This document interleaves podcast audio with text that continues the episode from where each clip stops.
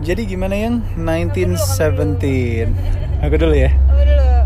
Wah, kamu lagi research. Eh, Breathtaking movie of the year. Ini start yang baik untuk 2020, terutama genre film perang. Gila. Aku sama kamu aja masuknya telat satu jam, tapi pas di satu jam itu, menurut aku itu the best scene sih. Kacau, kacau, kacau, kacau, kacau. Ini filmnya Sam Mendes. Aku baru kali ini nonton film yang musiknya itu emosional sekali. Bener-bener nyeritain karakter utamanya yaitu si Will Scofield ini, William Scofield. Jadi ada momen pas kita datang itu pesawat lagi nyerang mereka berdua nih si prajurit Will Scofield sama si Will Scofield sama siapa nama adiknya tadi lupa ya adiknya. Blake Tom. Tom Tom Blake kita masuk pas ini tuh telat satu jam dan di situ yang aku sadar adalah oh bener. Ini one take cam ya. Jadi dia nggak berhenti dari awal sampai scene itu. Overall kalau misalnya aku nonton nggak telat mungkin bisa lihat act 1 nya tapi tadi aku sempat hitung jadi ada act 1 act 2 sama act 3 tiga act di mana kameranya terus ngikutin si William Scofield ini Abis itu kelar, lanjutin lagi satu take panjang, kelar satu take panjang. Dan musik perannya sangat terasa di sini. Aku nggak tahu sih. Kamu mungkin kalau misalnya lagi ngulik, coba cari yang ngerjain scoringnya yang. Oh, kacau. Tapi ini film 1917 emang nominated untuk Best Picture di Oscar barengan sama Parasite yang aku tahu. Nah itu film Korea pertama yang akhirnya bisa masuk ke. Oscar. Iya Ford and Ferrari juga. Kalau misalnya balik ke episode tentang nada yang Ford and Ferrari,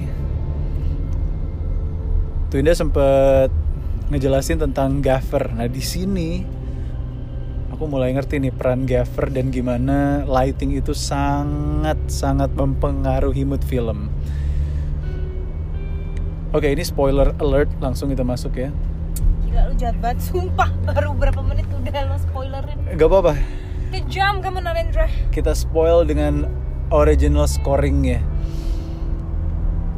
Ada momen pas si Tomnya menjelang ajalnya itu musiknya cuma ditahan satu nada rendah yang suaranya menegangkan dan menenangkan at the same time itu gila sih cuma ditahan nying hampir kayak white noise tapi rendah. Pas dengan itu tuh kayak aku sampai gak napas loh. Bener-bener tegang tapi at the same time tahu kalau ini orang mau mati gitu si Tom. Dan karakter utamanya si Will Scofield yang diperankan oleh McKay yang kayak Macaulay Culkin. Udah gede ya cocok logi. McKay and Macaulay Culkin. Sadis sih. Kayaknya dia pemain teater deh. Lo bayangin bisa one take oke gitu selama satu act misalnya ya. Satu act tadi kan kita masuk satu jam terakhir. Filmnya dua jam nih 120 menit berarti aku nonton 60 menit sama kamu. Dibagi tiga act. Berarti kan at least dia harus acting 20 menit non-stop. Dan kameranya gila. Itu gila sih. Masa ya ada momen si Willnya akhirnya kan diundang sama si letnannya atau kaptennya untuk naik ke truk. Kita akan menyusuri melewati daerah dekat Ekust si Will ceritanya mau ke Ekust nih. Will itu tentara Inggris melawan Jerman karena perang dunia satu kan? Auguste itu di daerah Prancis kayaknya. Nah satu momen pas si Willnya lagi berduka naik truk fokusnya tetap ke dia audionya orang lagi ngobrol tapi kecil banget. Itu aku bisa ngerasain kalau aku ada di sana abis ngelihat dan merasakan temen lo mati itu orang ngobrol lagi bercanda guyon-guyonan tuh udah mati hati lo kayak wah gila sih lo nggak dengerin apa-apa di situ emang udah enam aja. Terus kameranya akhirnya turun dari truk itu juga nggak nggak ada goyang tuh gimana sih kan nggak goyang loh. Gimana ya? Dari atas gitu kameranya aduh aku nggak ngerti lagi. Yang paling nggak ngerti lagi setelah si Willnya turun nyebrang jembatan yang udah rusak tiba-tiba kameranya zoom in ke kakinya dan aku ngerti tuh di saat itu mungkin dia ganti kamera yang udah floating di atasnya. Wah Ulang gimana? jadi yang pas dia nyebrang tuh kan kameranya zoom in ke kakinya nih. Itu kamera pertama yang dari tadi ngikutin sejak si Tomnya mati. Pas di momen itu dia nyebrang jembatan zoom in itu pasti ada kamera lain yang udah ngegantung di atas sungai itu yang akhirnya ngikutin kan. Akhirnya ke sisi samping kanannya si Will lagi nyebrang pasti tembak dus! Itu udah ganti kamera tuh. Boom Gimana bisa Nah, aku nggak ngerti caranya gimana ya. Mungkin bu- bukan ganti kamera, sorry ralat. Mungkin kameranya yang tadinya dipegang sama satu mesin, ditarik sama kayak flying fox punya tali gitu loh. Ditarik sat gitu. Sampai akhirnya masuk ke momen di mana si Willnya diserang, ditembak pas di jembatan. Tapi itu momen yang tepat, udah di saat dia berduka, akhirnya dia pengen meneruskan jalannya, tiba-tiba pas kita udah fokus ih gila. Dia bisa nggak nih nyebrang jembatan ini? Gimana? Dia mau berenang atau mau nyebrang sih? Pas udah di momen kayak gitu di hire sama tembakan. Das! Wah sadis. Sadis sadis sadis. Ya mungkin di situ Hollywood like-nya ya butuh another war experience gitu. Cuman besides thinking ini adalah Hollywood production tetap aja aku amazed sama one take oke-nya nah sampai akhirnya Will ditembak sama tentara dari menara tuh. Akhirnya kan dia masuk pelan-pelan musiknya ngikutin moodnya. Pas ditembak duk duk jujuk jujuk. Tapi pas masuk ke ru- reruntuhannya tenang lagi suspense lagi sampai akhirnya si Will ditembak di pala das gitu kan. Udah black out tuh. Ganti itu masuk ke act 2 nah dari act 2 sampai ke act 3 itu gila lagi. Di situ tuh momen lo akan nyadar gila lightingnya ini gila sih. Lighting sepenting itu. Jadi keadaannya tuh di reruntuhan yang kalau kata Twinda adalah set tiba-tiba ada fireworks yang lagi meledak ke atas. Das! Terus lo bisa ngelihat kayak lighting yang menyinari reruntuhan dari kiri ke kanan. Dan ini untuk mempertahankan at- atensi penonton visualnya tuh kayak music fitnya Girls Like You Maroon 5 tuh gak 360 terus sat sat sat sat. Terus aku mikir yang mereka kan syutingnya di bukit-bukit lapang gitu ya. Kamera 360 terus. Kalau ada satu orang aja iseng bocor atau telepon nyala wah dibunuh kayaknya. Dan berarti direkturnya ngelihat adegan itu pas syuting dari jauh banget dong. Ya kan yang ada di situ Oh, mungkin cuma dapet nih jawabannya. Nah siap. Oke. Jadi the Magic Hands of Roger Deakins, dia adalah sinem cinematographer eh, di film 1917 ini. Daggins Deakins Dickens Deakins dia yang bikin Skyfall uh, Blade Runner 2049 Hmm. itu Roger Deakins jadi dia tuh udah punya konsep sama si Sam Mendes Sam Mendes adalah direkturnya. direkturnya dia punya konsep. Jadi dia membangun setnya di sekitar eh, aktornya. Kayak tadi aku bilang kan ini set nih aku udah bisa nebak ini set gitu. Iya, yang Act 2 di reruntuhan. act 2 gitu. tapi sebenarnya the whole movie itu set. Karena kita nggak mungkin bisa nemuin eh, ini ya apa namanya yang peruntuhan perang apa segala macem sekarang. Pasti itu building sets banget Yang bukit itu? bukitnya emang ada tapi itu itu tetap set yang diatur. Hmm. karena ternyata jadi biasanya gini kalau misal persiapan movie biasanya eh, produser apa segala macam tuh tim ke set dulu. Dia building set habis itu nanti aktornya datang habis itu aktornya eh, tinggal acting gitu ya ibaratnya. Nah kalau di film 1917 it's the other way around. Aktornya datang dulu ke lapangan kosong ke bukit itu kosong. Terus mereka mulai rehearse for six months. Jadi film itu udah mulai di shoot itu eh udah mulai dilatih itu November 2018 mulai syuting April 2019 mati nggak lo tuh? Banyak ba- apa lama banget kan persiapannya? Sorry, dari? November 2018 Hah? latihan apa segala macam mulai syuting perdananya April 2019 19. Gokil. gila kan nah itu semua tuh kerjaannya si Roger Deakins sama sama Mendes tuh. Mereka udah deh tuh bikin setnya. Jadi dari latihan itu mereka udah bisa memprediksi si George Mackay kira-kira aktingnya bakal kayak gimana kayak gimana gitu. Jadi waktu si George Mackay pertama kali datang ke set ke set yang belum ada yang belum jadi ya maksudnya kayak ke lapangan itu doang dia tuh udah hafalin setengah line-nya gitu. Terus mereka latihan bareng apa segala macem. Makanya movementnya bisa enak banget. Ya kan mak? Terus Kelewat enak sih. cloud enak. Dan terus dari tadi kan aku juga merhatiin gila nih one shot one shot one shot. Nih pasti ini nih handheld camera semua nih. Nah, itu yang gue bisa nggak goyang. kan ada stabilizer yang Hmm.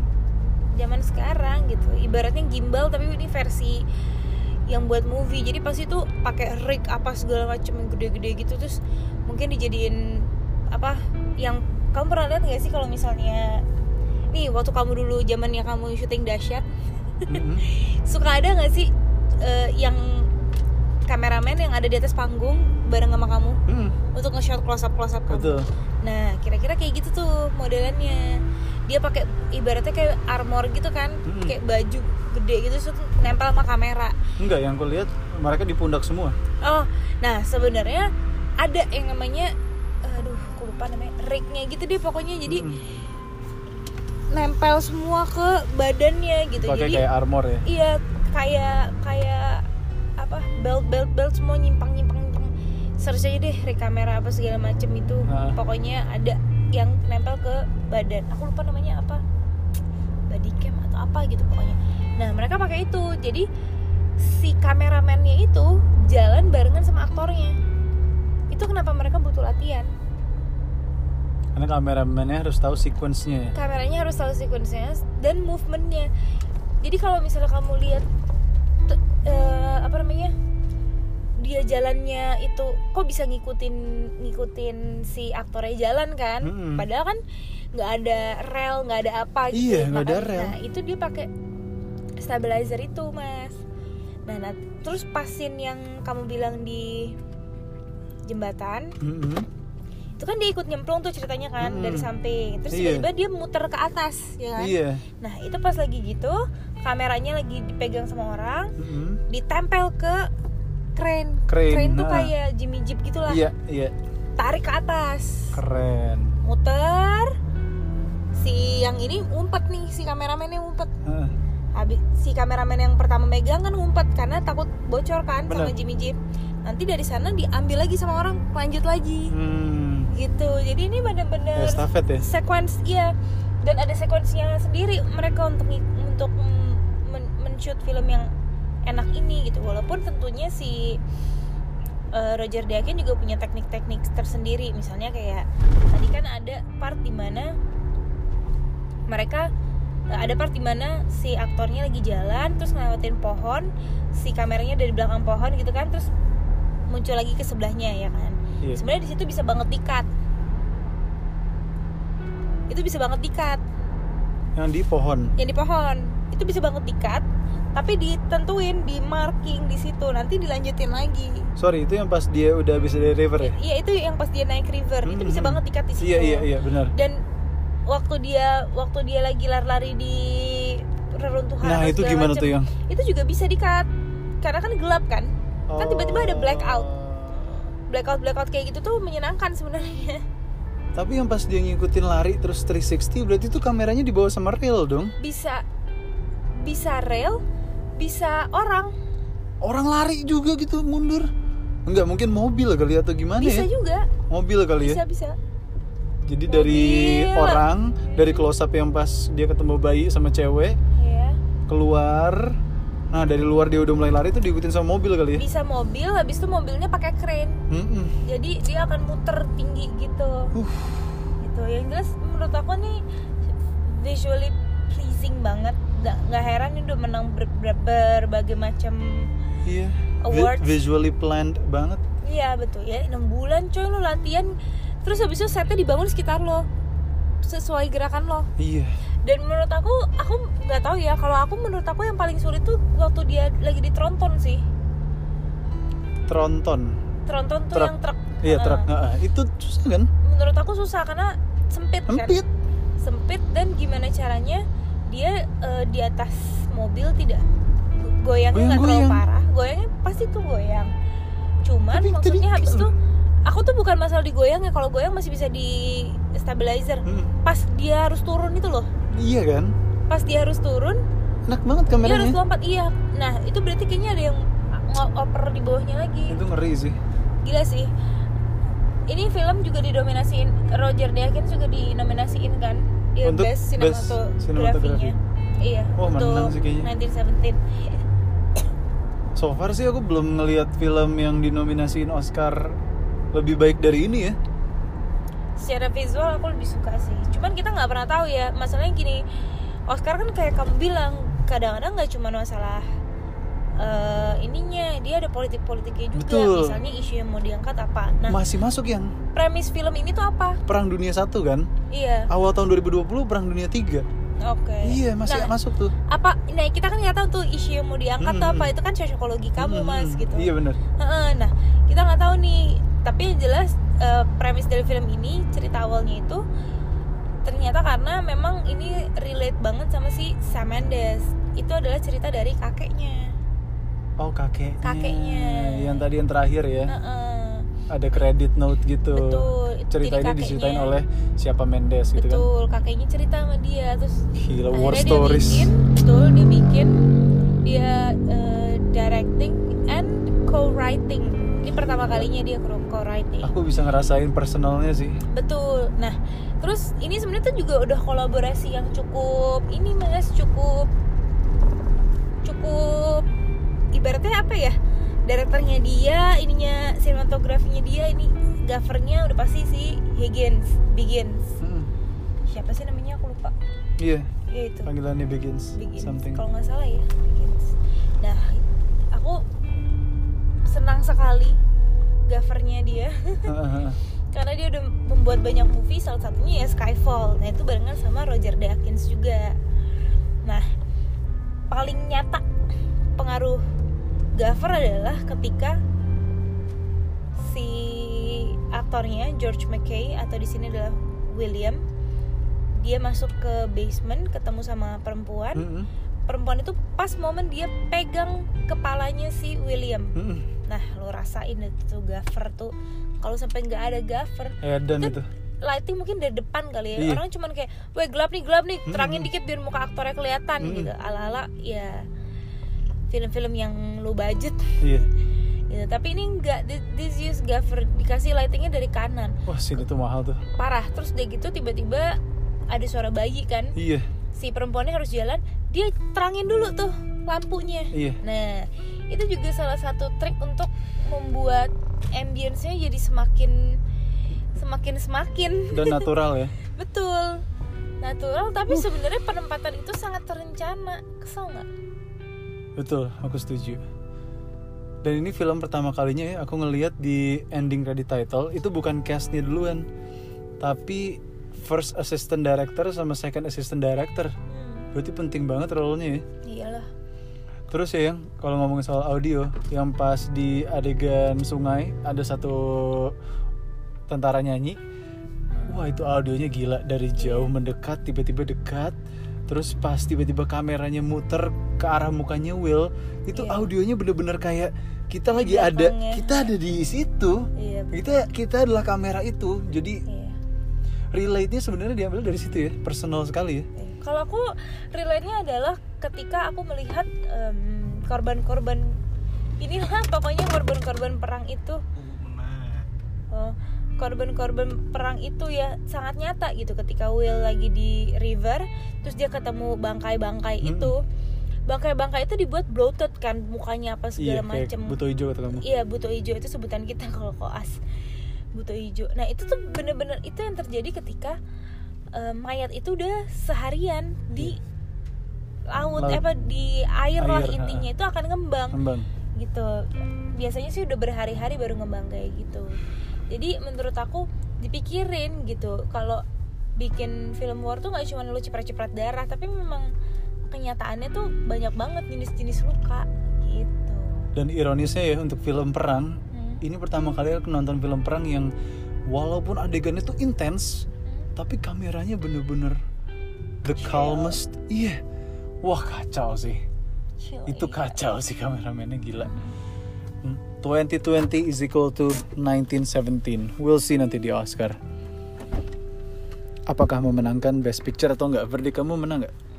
Best Picture. tahu nggak pernah ngerti aku Oscar Aku bisa jadi sih, atau at least sinematografi.